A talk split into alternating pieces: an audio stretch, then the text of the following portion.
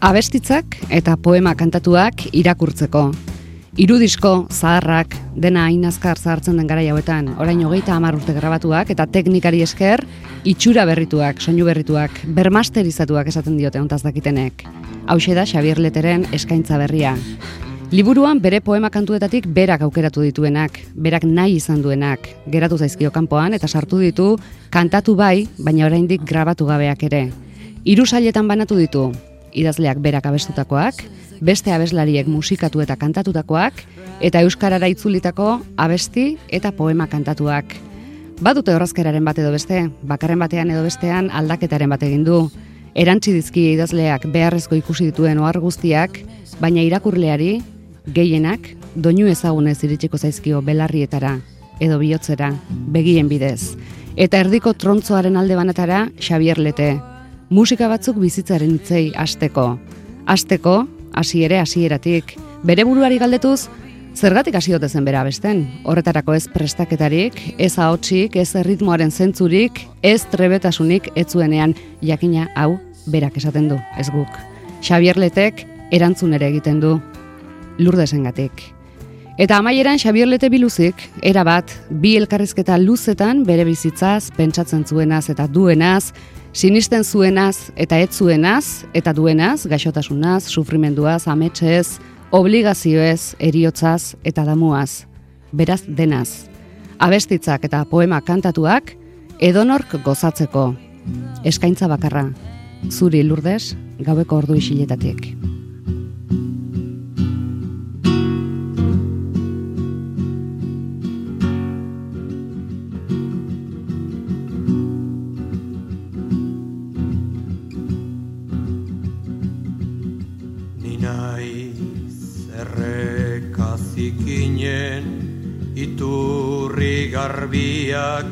Aurkitu nahi dituen poeta tristea.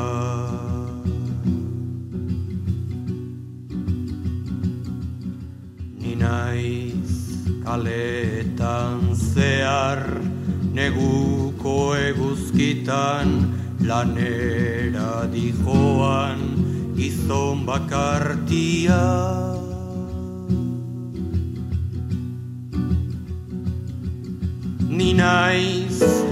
ostori gabe gelditzen ari den ardaskale horra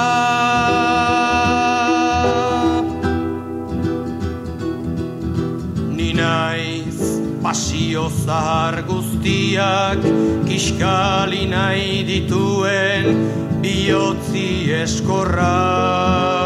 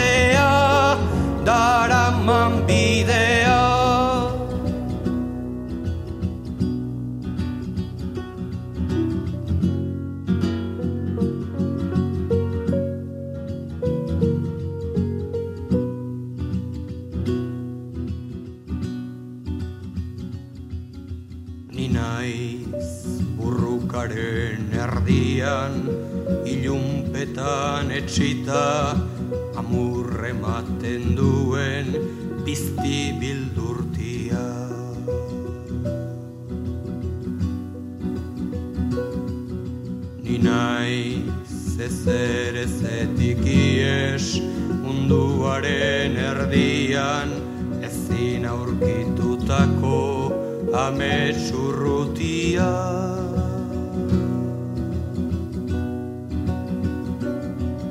ni naiz irri farbakoitzean gaztetasun ondarrak galtzen dituena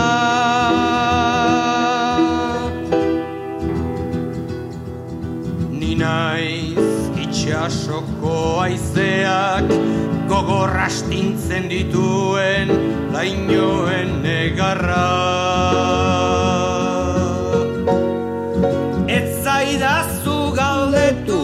Xagerlete arratsaldean. Arratsaldean. Kanturako gogoa ematen dizu? Nere kantu, ne honen kantak, kantuak entzuten ditudanean, batzutan, kantatzeko ematen dit, baino ez da narzisismo gati, baizik eh, jartzen naiz, e, dakizkidan kantua balira bezala, baino ez nerea beste norbaitenak. Ez beti, baino gertatzen zait, honekin, gero erritmoaren arabera ere gertatzen da hori, honekin gertatzen zait, e, Salvador eriotzen kantarekin, eta gertatzen zitzaidan Nafarroara udaldiek egitera juten ginean nian lordestan eta negurasoekin Nafarro arragoarekin ere. Zema momentutan, azte nintzen kantatzen, eta hola kantu epiko bat zela irtetzen zitzaidan, eta banekin ere azela, baina baina iruditzen zitzaidan, zirudien, no beste norbaiten azala, eta usatun, ba. Normalki gertatzen ez dena, zer horren e, emaitzen aurrean kantua, poemak, e, urduritasuna sentitzen duzu, ni bentsatala sentitzen dut, ez naiz oso ados, oso gozo egoten, baino batzutan beste norbaiten abalira bezala, eta gertatzen zait kantu honekin konkretoki. Zinena zara?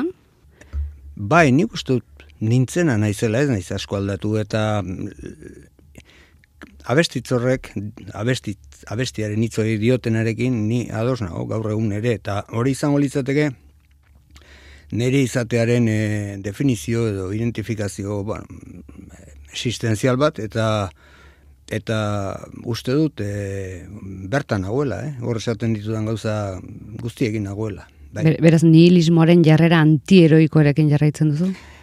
Hoi, seguru.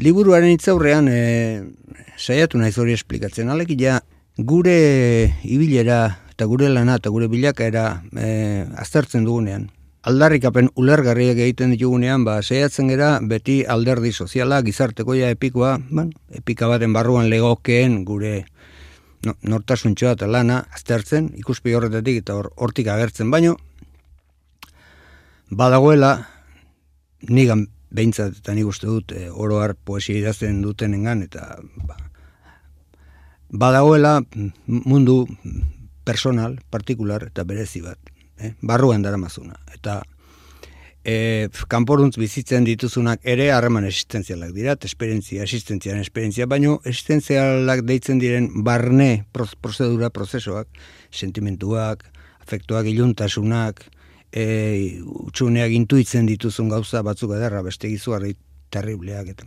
Oiedanak, ba, oiedanak hor egoten dira kantuetan eta poemetan, eta eta bai, alde horretatik e, anti-heroikoa eta eta mm, pesimista, eta bueno, gogo eta txua esango nukenik, eh? eta gizze mailakin, baina. Eta anti-heroikoa seguru, zeatik, Bertol Bretxek esaten zuen bezala, doakabea eroeak, eroeak, eroiak behar dituen lurraldea edo nazioa. Doakabea gertu sentitzen duzu orain deka besti hau, hola itortzen duzu itzaurrean, baina gauza asko aldatu dira, irurogeita seiko martxoaren hogeita zeian arratsaldeko bostetan, seguran lehen da biziko aldiz jendaurren, Barkatu, Xabier, zuka inbeste zehaztasunez gogoratzen dituzu zure bizitzako mm, gertakizun mm, guztiak? Gauza batzu bai. Hau konkretuki bai. Oroitzen nahi segun horretaz, igandea zen, ze itezun. Ona? bai, euskitzua, egualdi politia, udaberrikoa, Eta ze bidaia egin gendun, ze bidaia egin gendun, ezin da kontatu luzegia izango litzake. Oroitzen naiz, segun izan zen, zelen biziko aldia zen jende horren kantatzen nuela, norbei geixo gehatu zen ustut benito zela, berito lertxundi eta esan zidaten, kantaza, kantazak eta bo, kantu pare da banituenik e, ondutakoak eta gero ba, berso zarra kantatu nituen, berso zarrak, zain zarrak, eh? ustapirena, xalbadornak etola.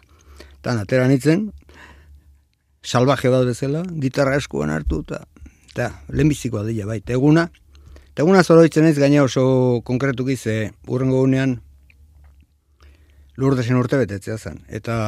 Xabier, zazpi minututan irugarren aldiz aipatu duzu. Eta aipatuko dut askotan, normala den bezala, ez? Bai, bere urte betetzea zen, eta konbiatu gindun bere txera, eta nik orduan oso, bueno, izautzen nuen, baino, hendik ez gehiagita. Horretik nobio jarri gabe zen. bai, laiztar jarginan, eh? Polita da, esaldi hori, no, nobio jarri. Atentzia eman diet izugarria. Nobio jarri, garo. Hola, gala esaten genuen gure mota, nobio jarri itxuk. Ze esan berdezu ba, nola esaten da gaur egun, nobio eginen. Eta orduan, bere urte zen, da bere txera konbiatu gintuen, Josean Arze et, eta ni. Eta ju ginen, eta han bere aizpegin, eta aiz bate piano jotzen zuen, eta han ginen, ba, arratsa de polidoa pasagen duen, eta eta horrenatik oroitzen ez asko egun horretaz, baina bereziki ba, markatu ageatu zedelago gero, beste kantaldi asko, emanaldi asko, erabat aztuta ditut, esaten baldin badiate, alak urtetan zu, lazka etorri zinean, pensatzen du, ba, izango da, ala baldin badiote izango da, bine ez oroitzen, baina egun horretaz oso ongi oroitzen ez. Dena berrituko zenuen berriro gainera, eh, hausnarketa hauek, gogota hauek idazterakoan, ez da? Bai, desente, buelta eman dizkiot, eta gogoetak eta oroitzapenak eta gauza esko etorri zaizkit. Gogorra zara zure buruarekin gero? Zergatik.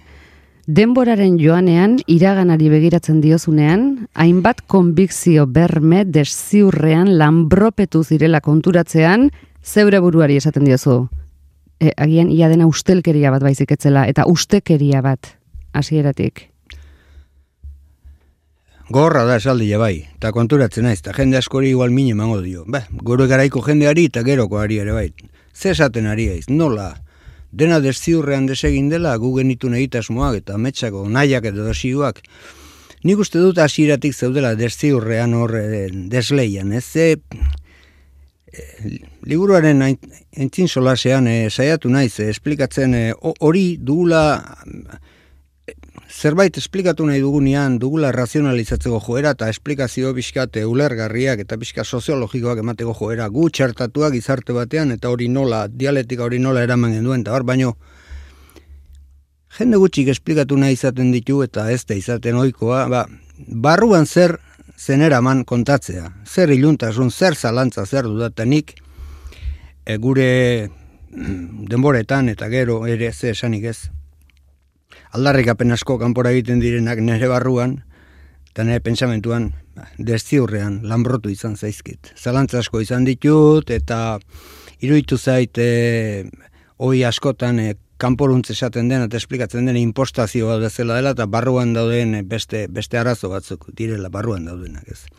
Eta eta gero egia da egitasmo asko eta ametsa handi asko eta proiektuak, bai politikoak, kultur proiektuak, bueno, beste gauza asko garatu, garatu dira eta ekoizpen handiak daude orain orduan amestuko ez genituzkenak, baino bazoden hor e, olako gure e, egitasmoen barruan lerro nagusi batzuk, eh? nazioa bermatu, solidaritatea berko iba sortu, denen artean eh, etxe orokorra eraiki eta Denok anaia gara. Denok anaia gara, abertzale izan ez gero gaur gauden denok anai, ondo begien bistakoa da, monzon jaunak etzula dostoi eskirakurri, baina bueno. Kontua da, hori dena, bai, aldarrikapen horiek oso, zea dira, oso edarra dira, baina gero benetan gertatu gertatzen dena, ez bakarri politik arloan, baizik izarte arloan, beste gauza badela, esan nahi dut, e, destaina, desapilua, zalantza, e, borroka kontra jartzea.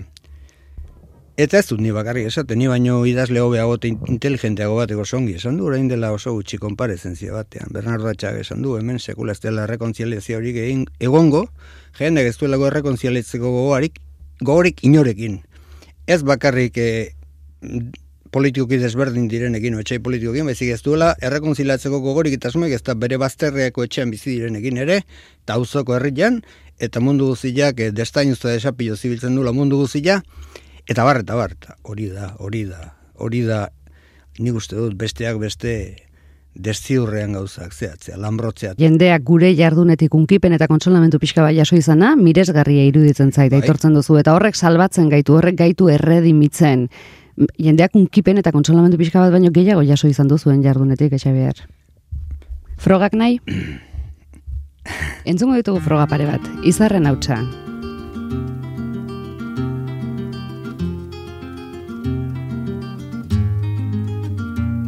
Izarren hautsa egun batean, bilakatu zen bizigai, hautsartatik uste gabean, noizpait gina den ernai, Bernardo Mandaluniz da ondorengoa mediku ofizioz, bertsozale afizioz eta eta gai jartzaile alduen guztietan. Kantu honek beti moten du serpentza. Zenbat liburu idatzioteko ziren kantu honen esaldi bakoitza adierazteko. Eta hori dana ba, Xavier Leteri esker da, ez? Hain dugu gizon sakona, hain dugu gizon pentsalarie, eta batez ere gizazemen barruen hain ondo sartzen dakin gizona, ez? Batez ere bere sufrimentuen. Baina hemen iten duen bilakaerak ja esteko, esteko ezetariko galtzerik. Non hasi, non amaitu, nola jarraitu, zertarako etorri. Jauzi eskero altza. Gizona ikasteko dago, ikasi zaldatzeko. Hor dago dana. Hor dago dana. It, itxaren piti batean, zaude, e, kantu beraz, arantza zuzu gazti, kazetarian, notiziaz de Gipuzkoako arduraduna. Ni oso Xabier lehete zalia naiz, eh? asko gustatzen zat. Nik uste gaina abotsa dakala, izugarrizko indarra dakan abotsa dakala, eta gaina bere poesiare asko gustatzen zat. Eta bai, izarren hautsen lehenengo bertsioa gustatzen zat. Askotaz ez gehiago, bigarrengo bertsioare txian dakat, baina lehenengoak esate iteneri esan behar ditena. Ez dakit azkenian, bueno, askotan pasatzen azta jendiak berri zateu pixka bat bere lanai nola bateko beste buelta bat eman, baino lehenengo bertsioak ingelditzen izan. bilatzen ditu, saiatze hortan ezin gelditu, jakintza eta argia, jakintza eta argia. Bietan gazteenak lehen da biziko bertsioa nahiago. Gertatzen da, eh, arantxa gertatzen da, eta ez da lehenengo aldia hori horrelako gertatu izan zaizkidala. Gero, Ni joera izan dut kanto batzuei musika aldatzekoa, Josean Artzek esaten dit eh, litzatekela egin behar, beti aldatzen nahi naizela eta jendea era bat despistatzen dutela. E, komentario bat, onartuko diazu, entzun ditut gauzei buruz. Bai, jakina, nola ez. Nik zalantza asko ditut, nere bizitzaz, nere izateaz, nere bilakaeraz eta guden honaz ere, baina batez ere nere gauzetaz. Orduan, horrelako testimonioak entzuten ditudanean, eta mm, gertatu izan zait, kalean egin norbait urbiltzeat esate izu, jo, lehen entzun zure alako kanta, eta jo, ze derrat, zen gustatzen zaian, eta ze, ze nolako poza ematen dian, eta ze nolako emozioa, ni be, justifikatua sentitzen naiz. Benetan, eh? sentitzen naiz justifikatua, eta esaten diot nire buruari, bueno, guk egin dugun lanak zentzu bat izan du. Osea, persona batzuk baldin badaude, gure kantuetatik, eh, zerbait jaso dutenak, eh, pentsamentua, unkipena, bueno, ikuspegi batzuk, jo, bai, aski, nahiko egin dugu, ez? Nahiko egin dut, eta horrekin konsolatua sentitzen naiz, eta oso ratifikatua, eta benetan eskartzen diet testimonia hauek ematen dituzten, eta ematen dizkidaten, eskartzen diet, e, beraien, e, beraien, eskartzen dizkiet, beraien e, iritziak eta erranak, ze niretzat oso garrantzitsuak izaten dira. Eh? Baina zuk kantuan eta benetan pentsatzen duzu, ausardia behar dela materialismo dialektikoa abesti bakar batean sartu nahi izateko. bueno, hausartu naiz frase hori sartzen. Esaldi hori sartzen zeran, eh, kantuen barne, barne, kantuen barne zeran, barne irakurketan. Hori jarri dut esaldi hori eta, bueno, pixka ironiarekin esaten dut, ez. Nei duitzen zait, e, gehiagik badala kantu hori, bidega ekeria bat, baino, baino, alderdi batetik, e, eta esaten dut, hor beste komentario batean, asko ez genuen jakingo, jakitunak ez ginen izango eta behar bada disparate asko esaten genituen eta pensatzen genituen, baino ambizio intelektual pixka bat bagen, nuen, orduan... E, Orain ez? Bai, bai. Ez duzu, so, ez zuk, bai? Ez duzu somatzen inguruan? Nik uste dut, e, gaur egun, jendeak gehiago daki. Kultura gehiago dago, erreferentzi gehiago ditu. Nik uste dut, jendeak gehiago gainera, ge, jendeak gehiago kokatzen dela bere esparru propioetan, gure denboretan baino, bere esparru propioetan bakoitza bere gustoak, bere sensibilitateak ari dagoz legozkioken emaitzak, bai irakurketa munduan, bai musika munduan, bai arte munduan, bakoitza bakoitzago da. Gure denboretan gu gu izatea komplikatu zen, bakoitza nor bakoitza bera izatea komplikatu zen. Zeatik betik geunden ideia orokorren, helburu orokorren, ekite orokorren eta konpromiso orokorren menpeko bezala.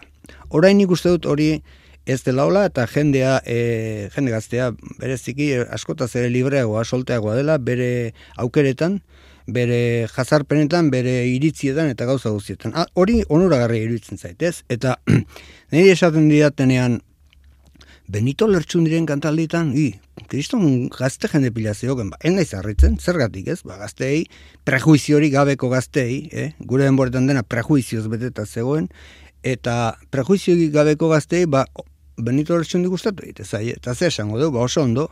Alde horretatik nik uste dut gaurko gizarte irikiagoa dela, libreagoa dela, eta gazte jendeak referentzia gehiago dituela, eta aukerak direla anitzagoak eta aberatsagoak. Aukerak eta aukera bideak ere bai. Orain, guk e, orain berrogei urte, guk, guk esatean esan nahi du nire belaunaldiak, gura aurrekoek eta iruro garren amarkadako eta iruro garren amarkadako jendeek zuten eta genuen e, egarri eta ambizio intelektuala eta mm, mundu ulertu naia eta mm, pentsakera batetan e, egituratu naia munduarekiko gure ikuspegia eta ikusteko manera hori uste dut desagertu dela. Esan nahi dut, hori e, orokortasunarekiko ambizio hori eta konzeptzio zea batzuetara, ez? Ideologiko, e, filosofiko, reflexio batzutara ekartzea norberaren egotea munduan hori nik uste dut asko pasadala, asko pasadala eta hemen gure inguruan ze esanik ez. Alde horretatik iruditzen zait e, garai batean ambizio intelektual pixka bat bagen nuela. Kanta hori e, neri gustatu egiten zaizeatik e, izango litzateke erreflexio askoren eta gogoeta askoren eta irakurketa askoren ondorioa. Tegila da hori galdetu izan diatenean, hori zer da, hori, ara, oain dela berroi, berroi tamar urte eta Marsek asmatu zuen eta Engelsek batez ere materialismo dialektikoa horren zehaztapena izango litzateke. Alegia, zertzen materialismo dialektikoa ba, Zure interpretazioan materiaren bilakaera, historiaren eta gizatasunaren gauzapen eruntz. Hoixe, oso ondo. Begira ze egoki esaten duzun. idazten ditu danean gauzak, e, konturatzen naiz askotaz ez zehatzago esaten ditu dela solasten ari naizenean. Baina horregat idiotolago beldurra hitzei eta elgarrizketei. Nafarroa arragoa maite duzu horrendik, Xavier. Bai, maite dut asko kantu hori, eta gainera, e, hor bai badaut badela bi alderdi, bat epikoa, eta bestea aberri galduaren nostalgia bat. Eta gero, songi oroitzen naiz non sortu zitzaizkidan kantu horren lehen hitza, baina nun konkretoki. Eguardi bat zen, Nafarro haragindua zen, leire aldera udazkena zen, eta Monreal eta idozin artean, hm, hortxe, e, errekta luze horretan, tak, makalagori hori zeuden, eta izea zebilen, eta etorri zitzaizkidan lehenengo hitzoiek, ba, momentu aretako, ba, naturri imaginei lotuak ez, eh? E, aizearen pausaleku, argiaren pausaleku, istan argia egiten zuen udazken egun aretan, eta gero aizearen ibiltokei zabal, esirik abea, eskena farra hola da, net. Hola, ben, sentitzen nuen, hola bizitzen nuen. Eta beti oroitzen naiz nun sortu zen, eta kanta hau maite dut, uste dut, uste dut kantu honek e, gauza desente esaten ditula. Naiz eta jendeak e, bihurtu duen, eta hori pixka molestagarri egiten zait, bihurt, jendearen zat, e, kantatzen duten zat, bihurtu da olako himno patriotikoa dezela, eta bueno, ez dago gaizki, hori ere nahi nuen. Baina, baina horrek amorazio puntu bat ematen dizu. Maten dit, bai, zeatik gauzak komplexioa dira, ez da inxinplea. Gaina hor dago, nire kantu askoetan dagoen betiko kontraposizioa, bai eta ez, argia eta itzala, bai kortasuna eta ezkortasuna, isto, kondoira, baina urratu baten, kondaira posible baten hasiera izan zen ura Ernan Farro Garresuma, baina kondaira ura urratua izan zen tabar, tabar orduan kontra jartze asko dago eta hori dena e, zea batean e, e, geruzza patriotiko baten azpian biltzea eta himno bat bezala emateak Horregatik esan zen egun batean, aguanta zaitzatela zuen ama santisimak. Horrela idatzi duzu. Bai, baina hori beste gauza batzuen gati zen. Ah, etzen, ah, etzen... E... Bai, ez, ez, ba, hau beste fenomeno batzu dira. Jendeak e, normalean entzuten dituenean kantuak eta ba, zehara, ba, zea batera, erreduzitzen ditu normala dan bezala, sentimentu momentu batera eta signifikazio batera, eta komplexotasun eta askotan ez dezke sartu. Baina, aguanta zeitzatela zuen ama santisimak izan zen, iru eta mezortzigarren urtean, ze jak nazka nazka egina nengoen eta geunden antxon balberde lurde ez ni bereziki ba gertatzen zirenekin kantalietan. Transizio famatu harren denboran oso urte txarra pasa genitun ze konturatzen ginen guk egintako languziak, kanta, poesiak ez zutela deusetarako balio. Dena jartzen zala aldarrik epen batzuen zerbitzura. Horregatik lotu dut bestearekin. Bai.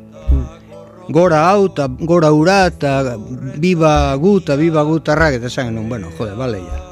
Bale, ja ez. Horretarako... Aguanta zaintzatela. Zuen ama, santísima. Bai, Horretarako mitineta juntzaitezte, edo juntzaitezte elizetako sermoietara, jode, edo, en fin.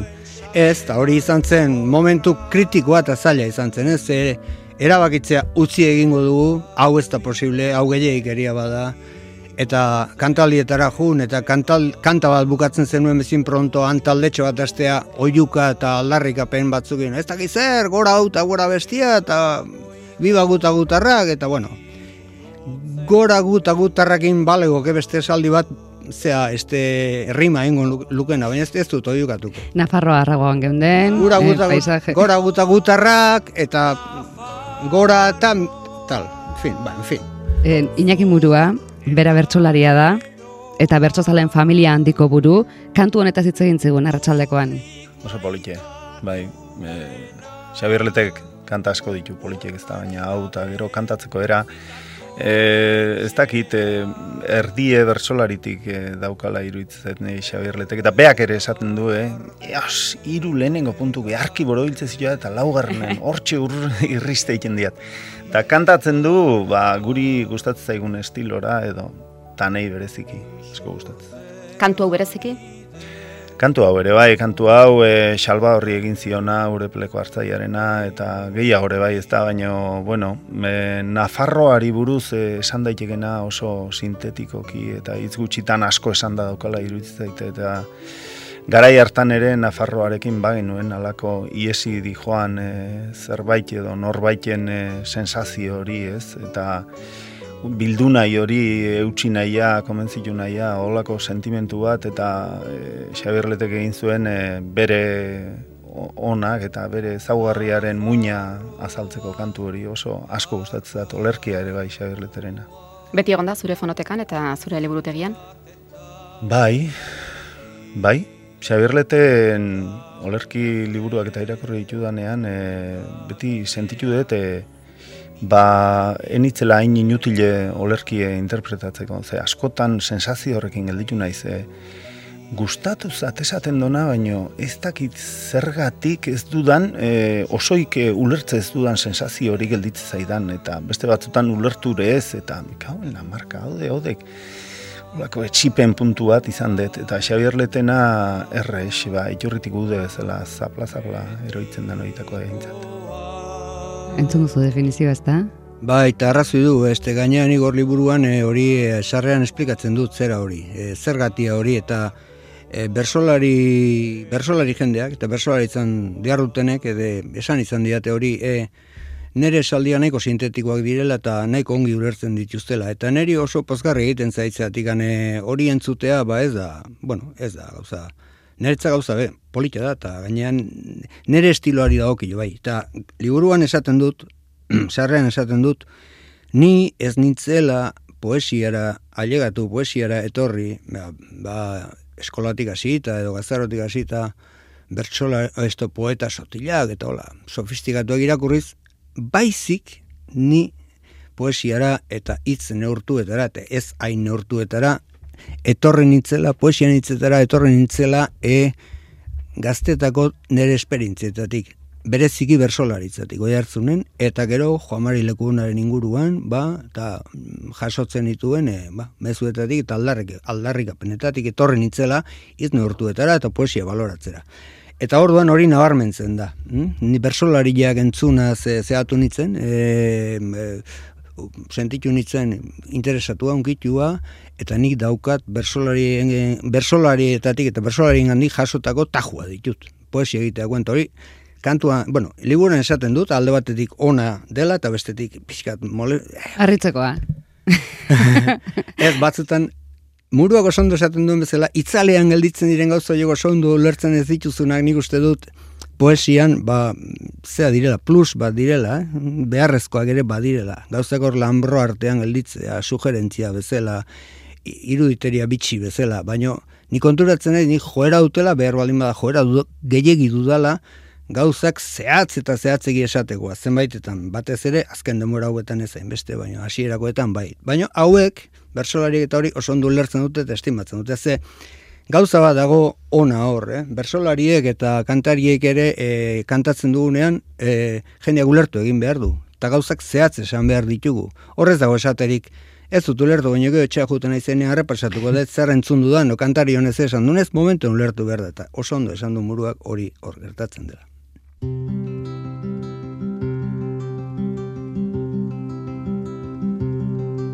Izotzondoko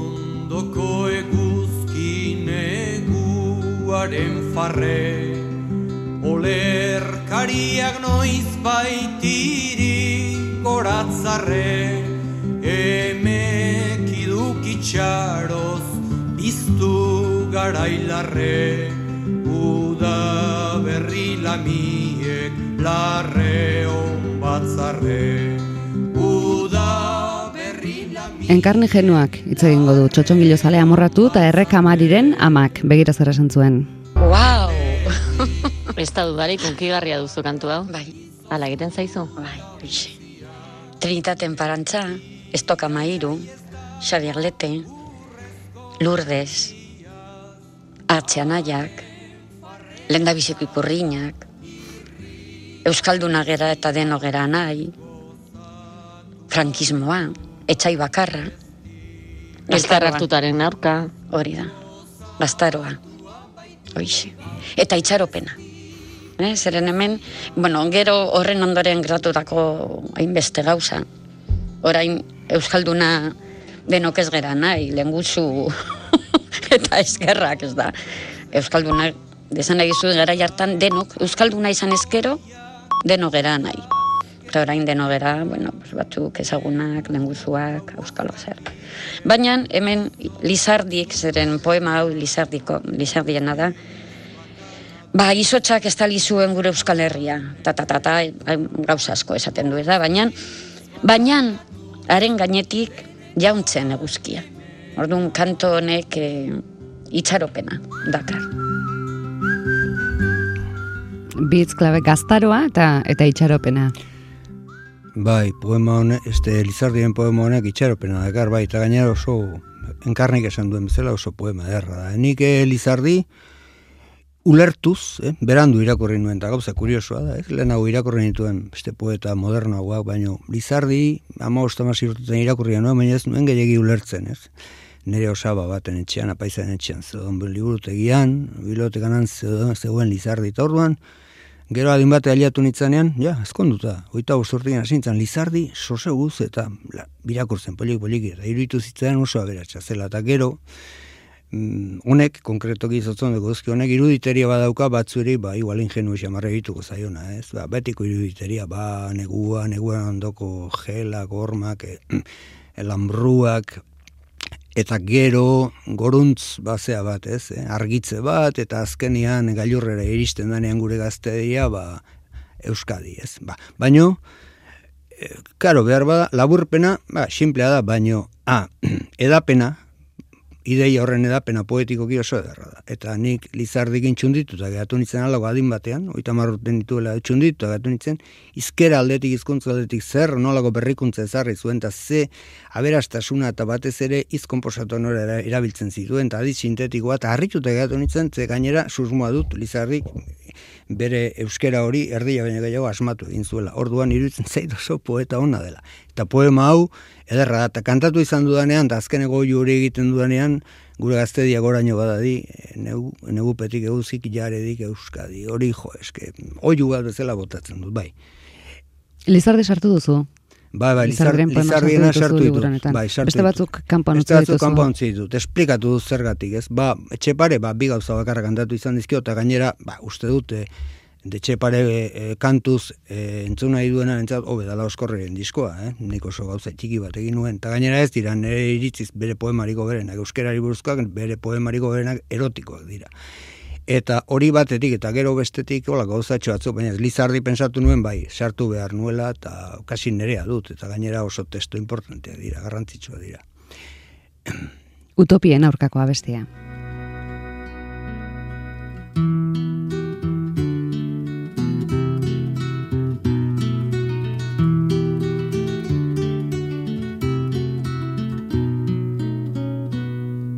Nik ez dut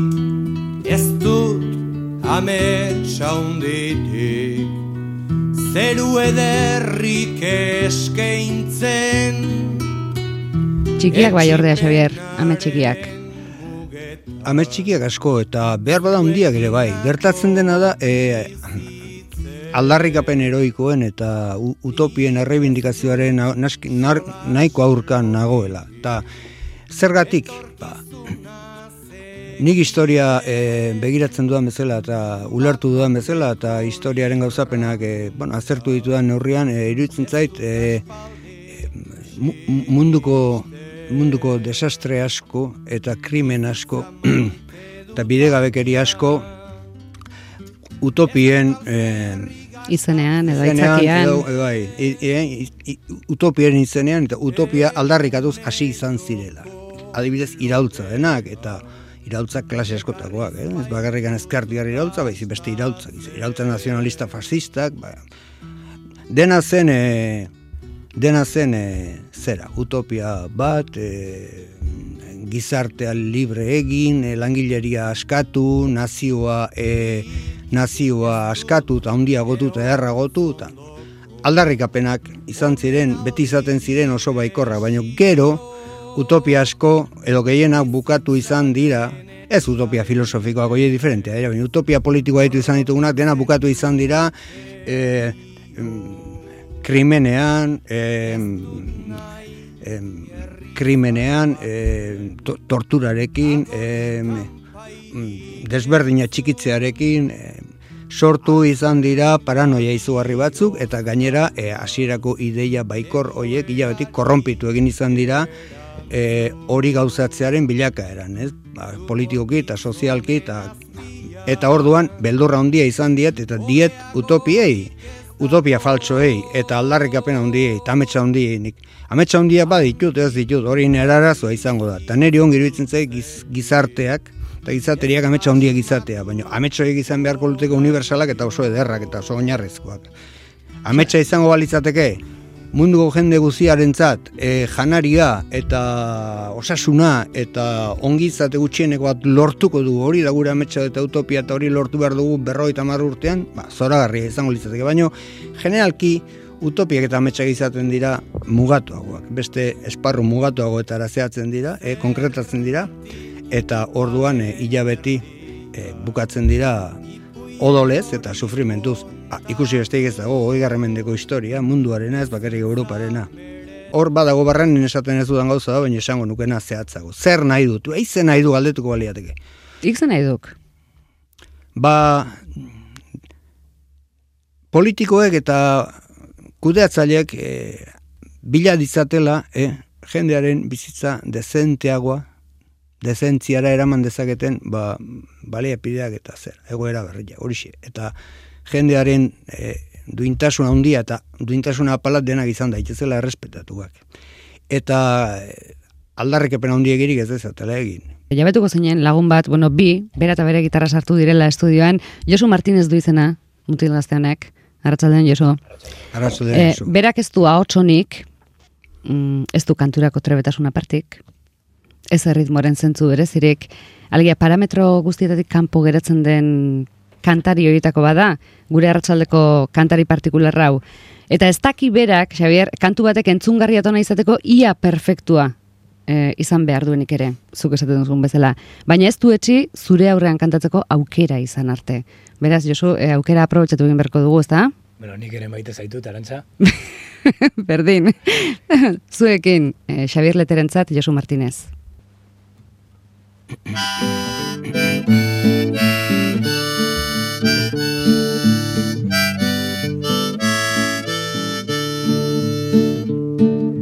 nik euskera ikasi nuen lehen kantuetako bat. Bueno, berzio originalean. Kantatzera noa zu berso bat edo bi, gertatuak bilboko mutil koskorrari, asier josu Joseba unai edo xabi, gauza ederra denik ezukatu neri, gauza ederra denik ezukatu neri gustoko zitunarren musikaren saltxak, Xabier zuteko aitaren usantzak, ekarri oizizkion sufrimentu latzak, ezin zituen kenduloaren horratzak, ezin zituen kenduloaren horratzak. Asko aspertzen zenta ezin ura entzun, baina bainaitak zion horrela erantzun. Handitzen zeranean jakingo ezu lagun, Xabier leten zuteak zenbat balio dun. Xabier leten zuteak zenbat balio dun.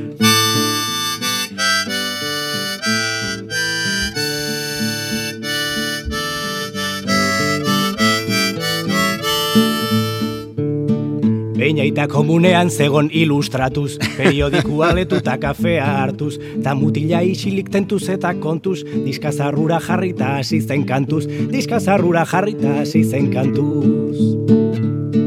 Itz poetiko haiek sentituaz bere, emozionatu egin az, egi, emozionatu egin zen tralara trelere, etzen egongo horren pozik ala fede, reala 4-1 irabazita ere, reala 4-1 irabazita ere. Nafarro arragoa abesti epela, edo langile baten semea bestela, letra haiek maitatzen hasi zen horrela, puta batek alkola maite dun bezela, puta batek alkola maite dun bezela.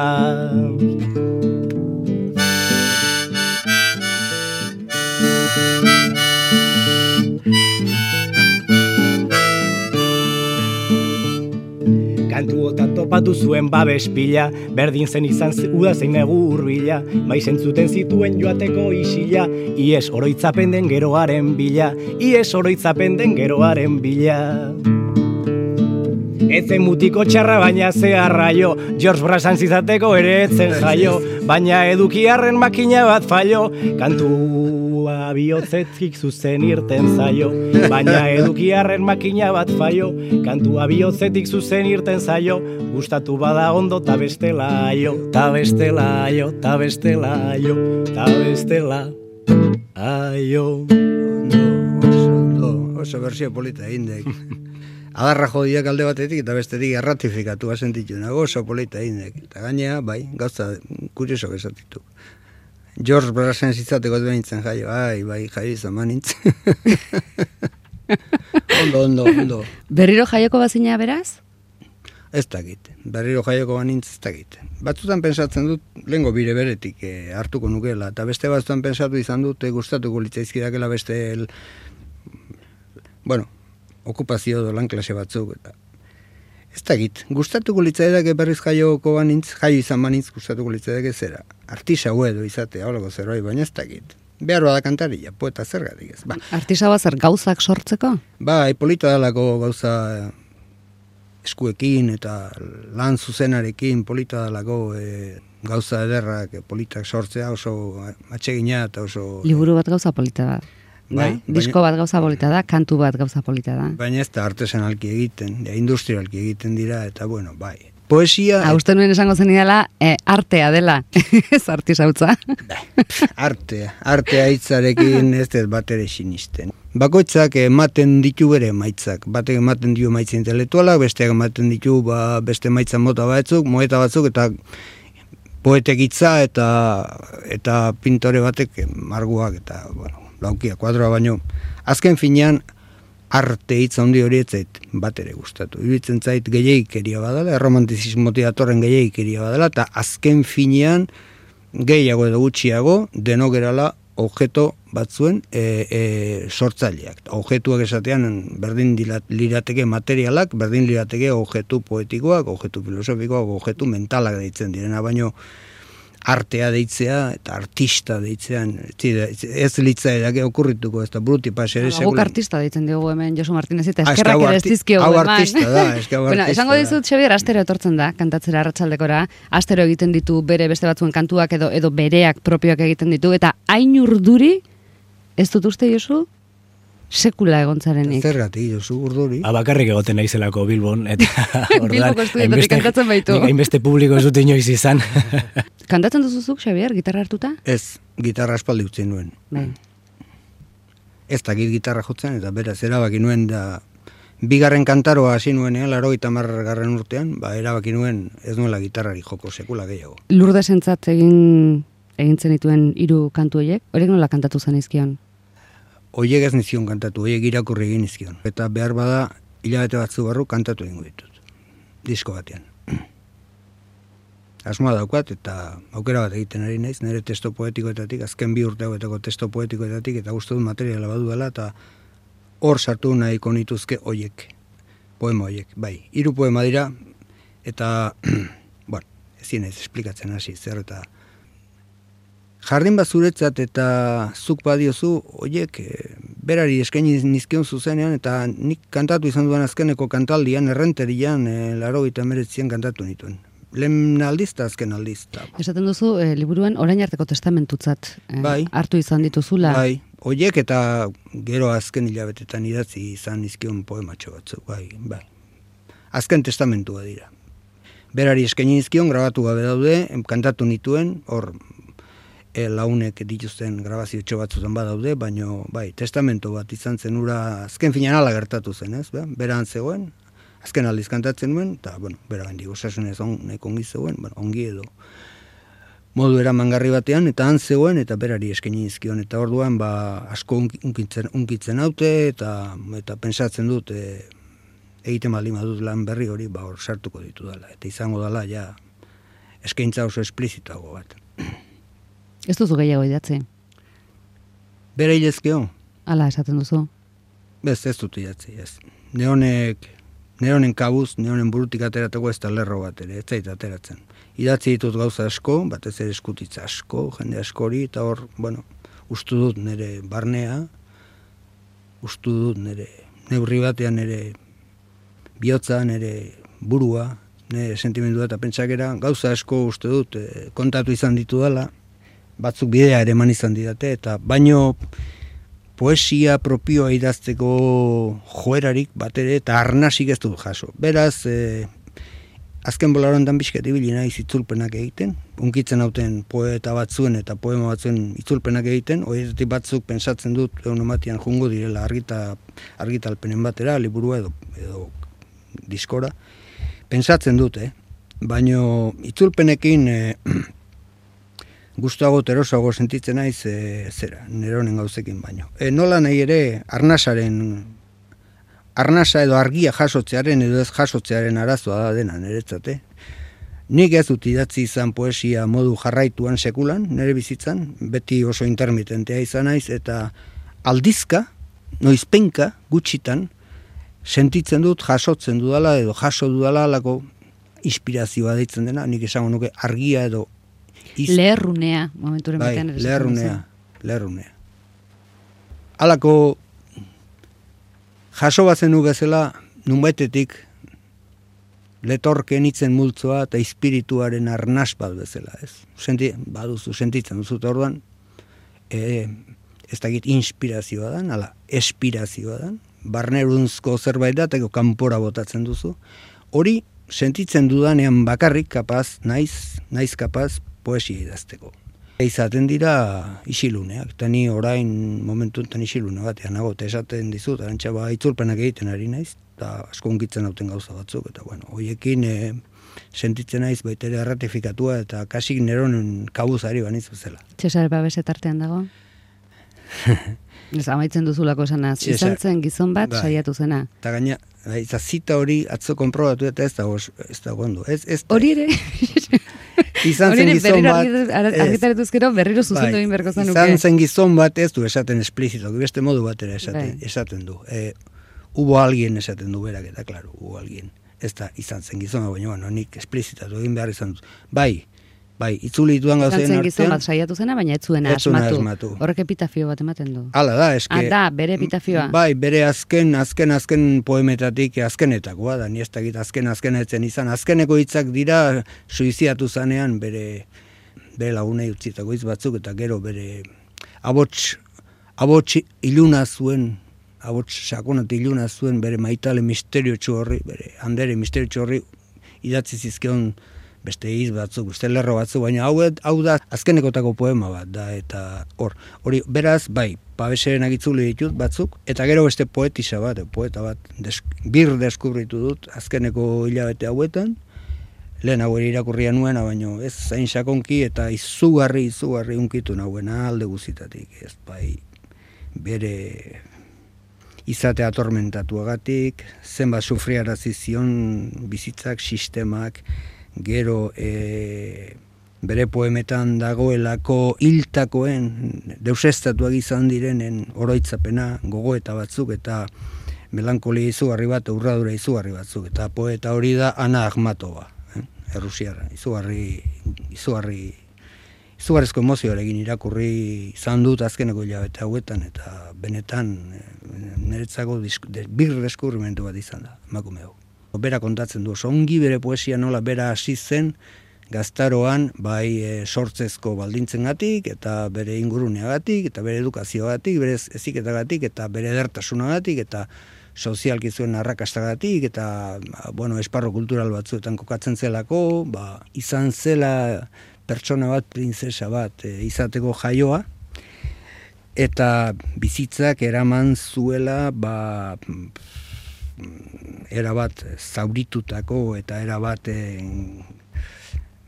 galerara mm, bultzatu zuen, bizitza bultzatu zuen persona bat izaten bukatu zuela, miresgarria dirudi, baino bizi baldintza oso gogor, zail bat zuen erdian, e, jatekorik ere zuela, bizilekurik ere ez, e, erregimenak erabat persegitzen zuelarik, eta hala ere nola izan zuen kapazitatea eta arnasa poesia idazteko. Ez da gaina, Ana Ahmatoaren poesia gehienak iak klandestinoki jasoak daude, entzuten zizkiotenek, bizitatzea etortzen zitzaionean jendea bera papertxoak ematen zizkion jendeari salbatu zitzan ze poema gehiena gerra egiten zituen beldorra zuelako ba Stalinen erregimena sistemak egun batian registro bat egingo ziola miak eta bat eta aurkituko zutela zenbait inkriminatzailea eta orduan ba horren beldurrarekin hola hola bizitu zen eta irutzen zait galtzaile baten historia espirituala historia poetikoa, baina gainea berak nola kontatzen duen, ez? Bere galeraren zera hori. Baditu lau poema izugarriak eta laugarrenaren e, itzulpen bat egiten nahi naiz osorik ez dut egin da elegias del norte, ez da, la cuarta elegia del norte ditzen da nik gaztelania zirakurri ditut, izugarria da. Izugarria da, zeatik esplikatzen du bere bizitza hiru hiru fasetan bezala. Izan, bizitzan hiru egoitza daude, esan beharko luke nere bizitzan egon dira, gure bizitzan hiru egoitza daude. Lehenengo egoitza da etxe bat, e, jardin ezinguratua, etxea dot politia, lagunak daude, solasak daude, musika, poesia dago, gaztia gera.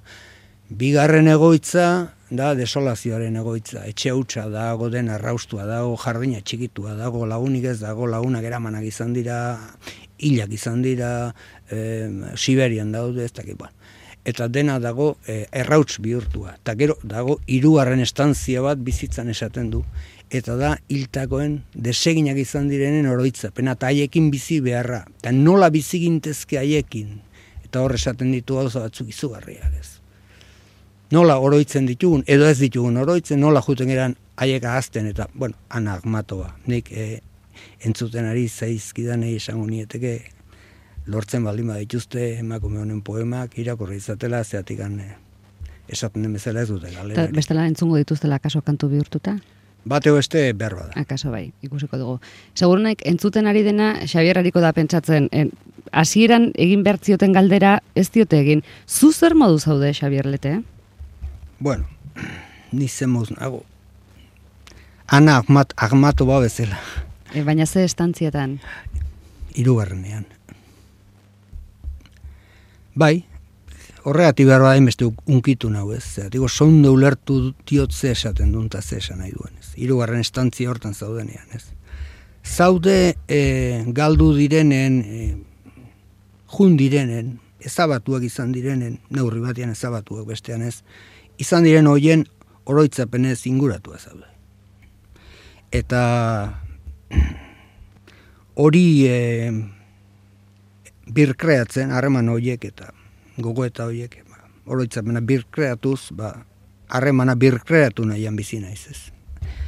Eta batzutan e, maite dituzun e, eta maite beharko zenituzkeen galdutakoen itzaloiek hor dituzu hurbil eta sentitzen hitzake eta beraiek mintzatzen zera eta berantzuten dizute, modu batean ala bestean.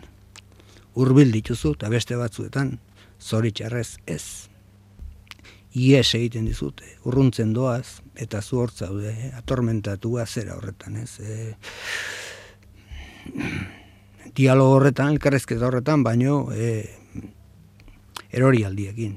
Eta hori, hori Antonio Machadok ere, bere poema batean, eh, birri irakurtzen aritu naiz eta poema izugarri batean jasotzen du.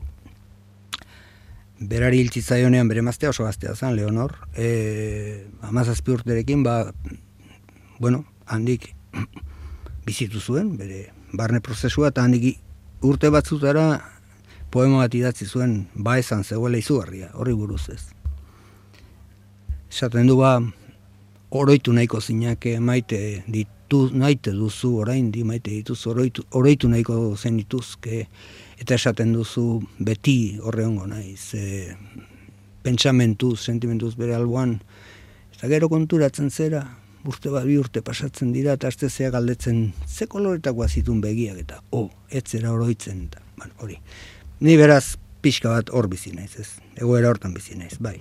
Horrek ez du esan nahi, egun egunerokotasuna zera dena melankoliaz beteka betea denik eta ilun eta errautzez gantzitzen abilenik ez. Jendeak asko maiten hau, ingurune oso politiagoa ditut, familian lagun artean, eta bueno, nik laguna maite ditut, familia ere maite dut, eta bueno, hor babesa izan dut, eta bakarrik ez nahi sentitzen, baino, pixka bat itzalen artean eta jundakoen itzalen artean bai.